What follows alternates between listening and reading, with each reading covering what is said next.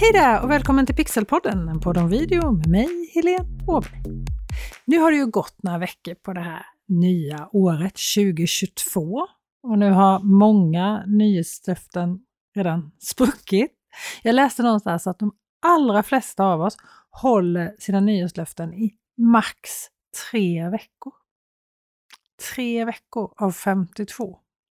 Internationella Quitters Day, ja det finns en sån, det var den 14 januari i år. Så två veckor efter nyår alltså. Själv gav jag faktiskt inget nyårslöfte alls i år. Men jag har ett mål jobbmässigt och det är att jobba mycket mer effektivt än vad jag har gjort tidigare. Och en sån där sak är ju att återanvända, inte minst livesändningar, mycket, mycket mer. Jag återanvänder ofta mina livesändningar som det är redan, men jag kan göra det ännu mer och framförallt kan jag göra det mycket mer metodiskt i år. För det är en superbra tidsbesparing. Materialet är redan planerat och skapat och det finns massor med sätt att återanvända materialet från en livesändning eller från ett webbinar. Och jag vill ju inspirera dig med den här podden och ge dig tips, exempel, förslag och steg för steg instruktioner om hur du kan göra och använda video på olika sätt i dina sociala medier, i din kommunikation. Och idag vill jag ge dig massor med tips på hur du kan återanvända dina livesändningar. Många av de här tipsen har jag gjort själv, några vill jag göra själv och andra tycker jag är supersmarta som jag har sett andra göra. Och det finns enkla saker som knappt kräver något arbete alls och andra som kräver lite mer. En av de absolut enklaste, det är ju att reprisera hela livesändningen. Dels på plattformen som du just har sänt live, men du kan ju också ladda upp hela din livesändning eller hela ditt webbinar på en annan plattform för att nå nya tittargrupper. LinkedIn-experten Linda Björk, hon sänder till exempel live på LinkedIn om LinkedIn och social selling varje fredag morgon klockan 8.30. Den här livesändningen den lägger hon alltid upp sen i sin helhet på Youtube veckan efter. Så där finns alla hennes livesändningar som hon har gjort. Och det är många, för hon har sänt varje fredag i väldigt många veckor nu. Och vill du så kan du också klippa ut små korta klipp som du postar på olika sociala medier som en teaser för den här reprisen av din livesändning för att få fler tittare till den här reprisen. För du behöver ju inte bara pusha för din livesändning. Du kan ju absolut göra reklam och locka tittare till att se din repris också. Eller hur? Och du kan ju förstås välja om du vill reprisera den här livesändningen i sin helhet eller klippa i den så att de som ser den i efterhand inte känner sig utanför gemenskapen om det har varit mycket interaktion mellan dig och eh, tittarna till exempel, eller om något som hände som inte blev som du hade tänkt dig så kan du förstås klippa bort det också. Och det finns inga rätt och fel. Du gör precis som du vill och som du känner för. Det är det som är så bra. Det finns inga lagar och regler när det gäller det här. Sen kan du ju också ta ut korta klipp från din livesändning utan att de måste pusha eller locka till tittning av reprisen. Du kan ju ta ut korta klipp ur din livesändning med bra innehåll till flödet i dina olika sociala kanaler. Klippa ut de där riktiga godbitarna från din livesändning och dela dem som ett eget inlägg på Instagram eller LinkedIn eller Facebook. Och då menar jag korta klipp då, kanske minuten, Du kan göra något lite längre till LinkedIn kanske, men korta grejer, små videoinlägg.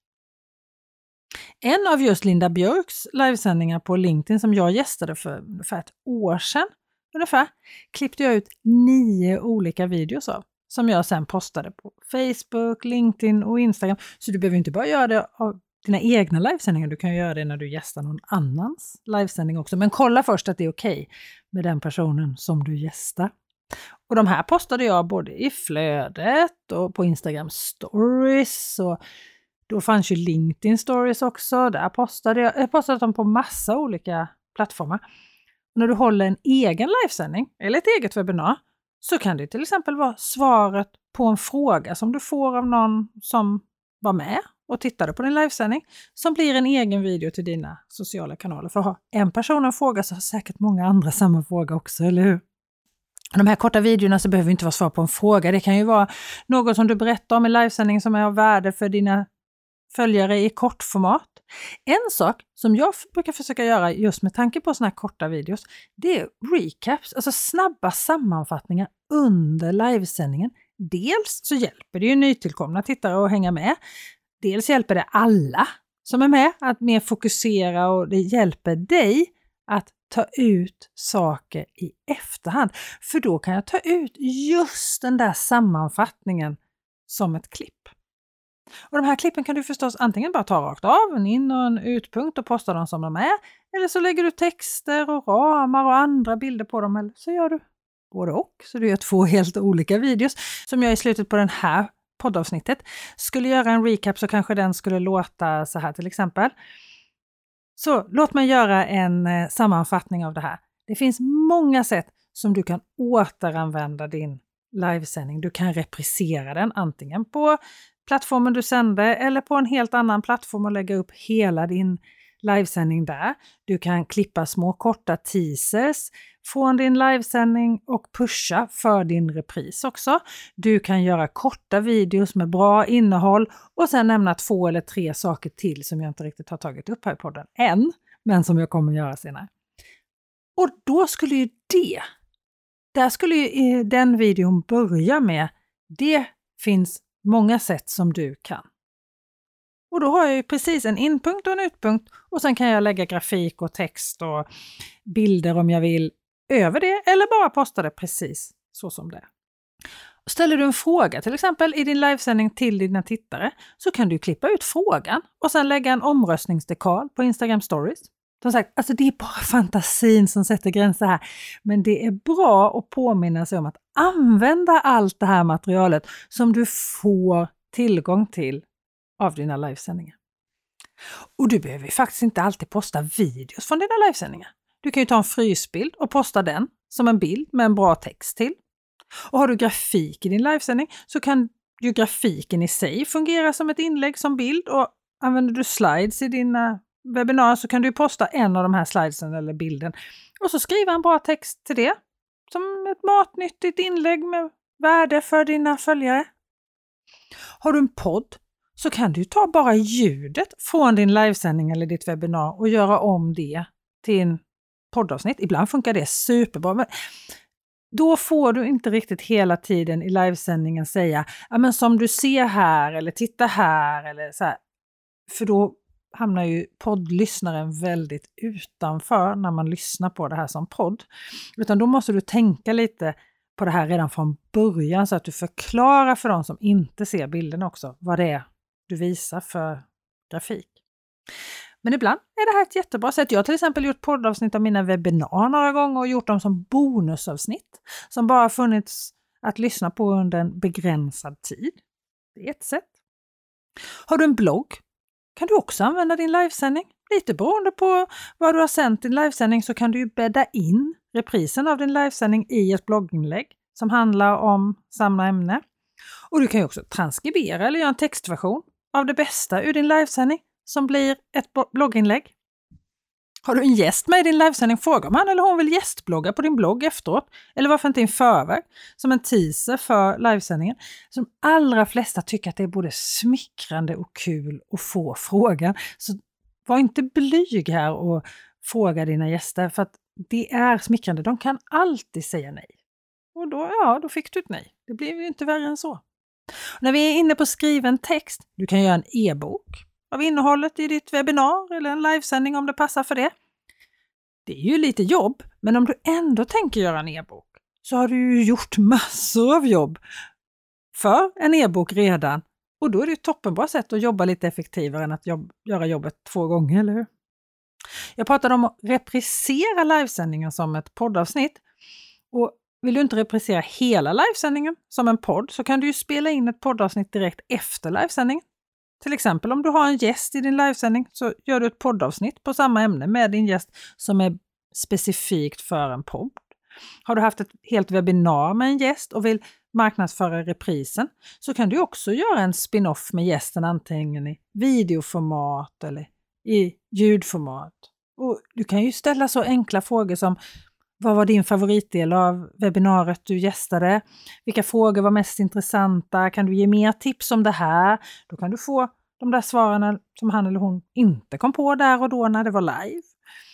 Du kan ju göra det här på så många sätt. Om vi ska gå tillbaka till det här med att marknadsföra reprisen av webbinariet eller livesändningen så kan du klippa ihop en best of med tre highlights efter varandra som gör att dina följare blir nyfikna på att se webbinariet i efterhand. Den här highlights-videon kan du sedan mejla ut om du har en mejllista eller posta i sociala medier. Ja, men du fattar, det finns så mycket man kan göra med sina livesändningar och sina webbinarier. Det är verkligen värt att tänka ett extra varv både före och efter en livesändning eller ett webbinarium så att du inte kastar bort allt det här materialet och alla de här möjligheterna för du kan verkligen spara både tid och energi på att återanvända det här. Och det är inte slut här, du kan göra ännu mer förstås. Har du en FAQ, alltså vanliga frågor på din hemsida, använd frågorna som du får på ditt webbinar eller på livesändningen där.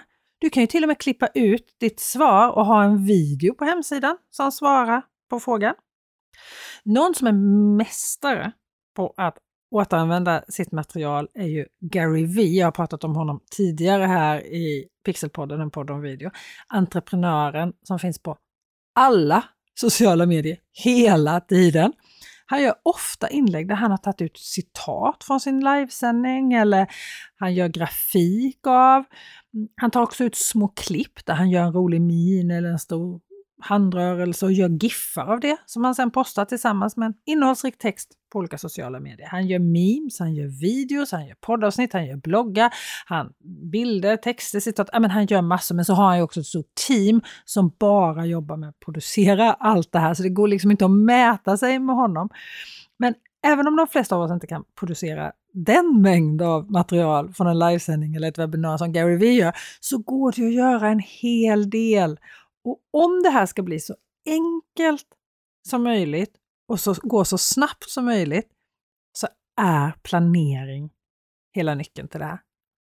Om du redan från början, alltså före du sänder live, planerar vad du vill ha för citat, vad du vill ha för en minuters video, vilken grafik du kan återanvända och så vidare, så kommer det gå mycket snabbare att ta fram det här innehållet i efterhand.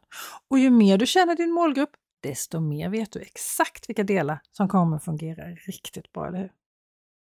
Ett annat sätt som faktiskt kan gå lika snabbt som att klippa ut ur själva livesändningen, det är att spela in flera videos direkt efter din livesändning. Allt är riggat och klart, det finns ljus, det finns ljud, du är uppvärmd framför kameran, du har facit på vad som engagerade din målgrupp.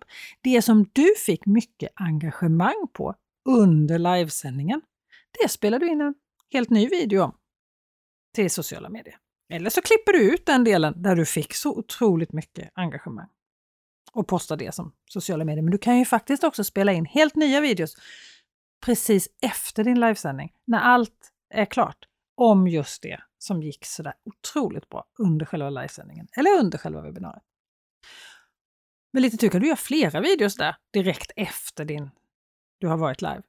Det här har jag gjort många gånger med riktigt bra resultat, både när det gäller spridning och när det gäller engagemang och eh, ja, alla de här sakerna som vi vill nå med våra sociala medier. Jag har kommit just det här spela in videos direkt efter, när jag ser direkt, det här funkar just nu. Här och nu funkar det här. Det här vill jag göra en spin-off på eller det här vill jag göra ännu bättre eller det här vill jag spela in igen. Och så gör jag det direkt efter en livesändning när allt är riggat och klart. Och det ena behöver ju inte utesluta det andra. Du kan ju både spela in nya klipp direkt efter en livesändning och sen ta ut andra klipp under, alltså från din livesändning eller från ditt webbinar. Och jag kan inte nog många gånger säga nu att inte slösa bort allt det här materialet. Återanvända. Du sparar inte bara tid och resurser, du gör det ju lättare att få kontakt med din målgrupp. Just eftersom du ser så väl vad det är som fungerar just nu och vad som kanske inte fungerar just nu. Och just det här med direktkontakten med dina följare som du får under en livesändning eller under ett webbinar, den är helt fantastisk. Det blir ju en pågående målgruppsundersökning hela tiden. Och du som har följt den här podden länge, du vet ju hur viktig jag tycker att det är med en riktig målgruppsanalys i avsnitt 22, målgrupp, Vem ska se din video? pratar jag en hel del om hur du tar fram din målgrupp och där hittar du också en lathund för att ta fram den här målgruppen som vi använder i mina webbutbildningar. Både i min webbutbildning Kommunicera med video, sociala medier och filmer som proffs med din mobil och i webbutbildningen Lyckas med live och webbinar. Ju mer du känner din målgrupp, desto lättare kommer det vara att skapa innehåll som håller att återanvända. Bra, eller hur? Och du hittar länkar till allt det här på pixelhouse.se avsnitt 84. pixelhouse.se avsnitt 84. Men posta hela din livesändning, redigerat eller i helhet.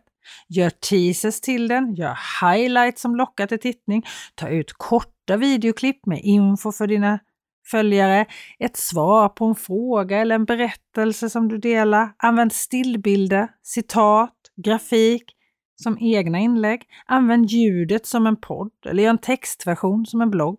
Spela in videos efteråt på det som funkade allra bäst under sändningen eller gör en GIF av dig själv.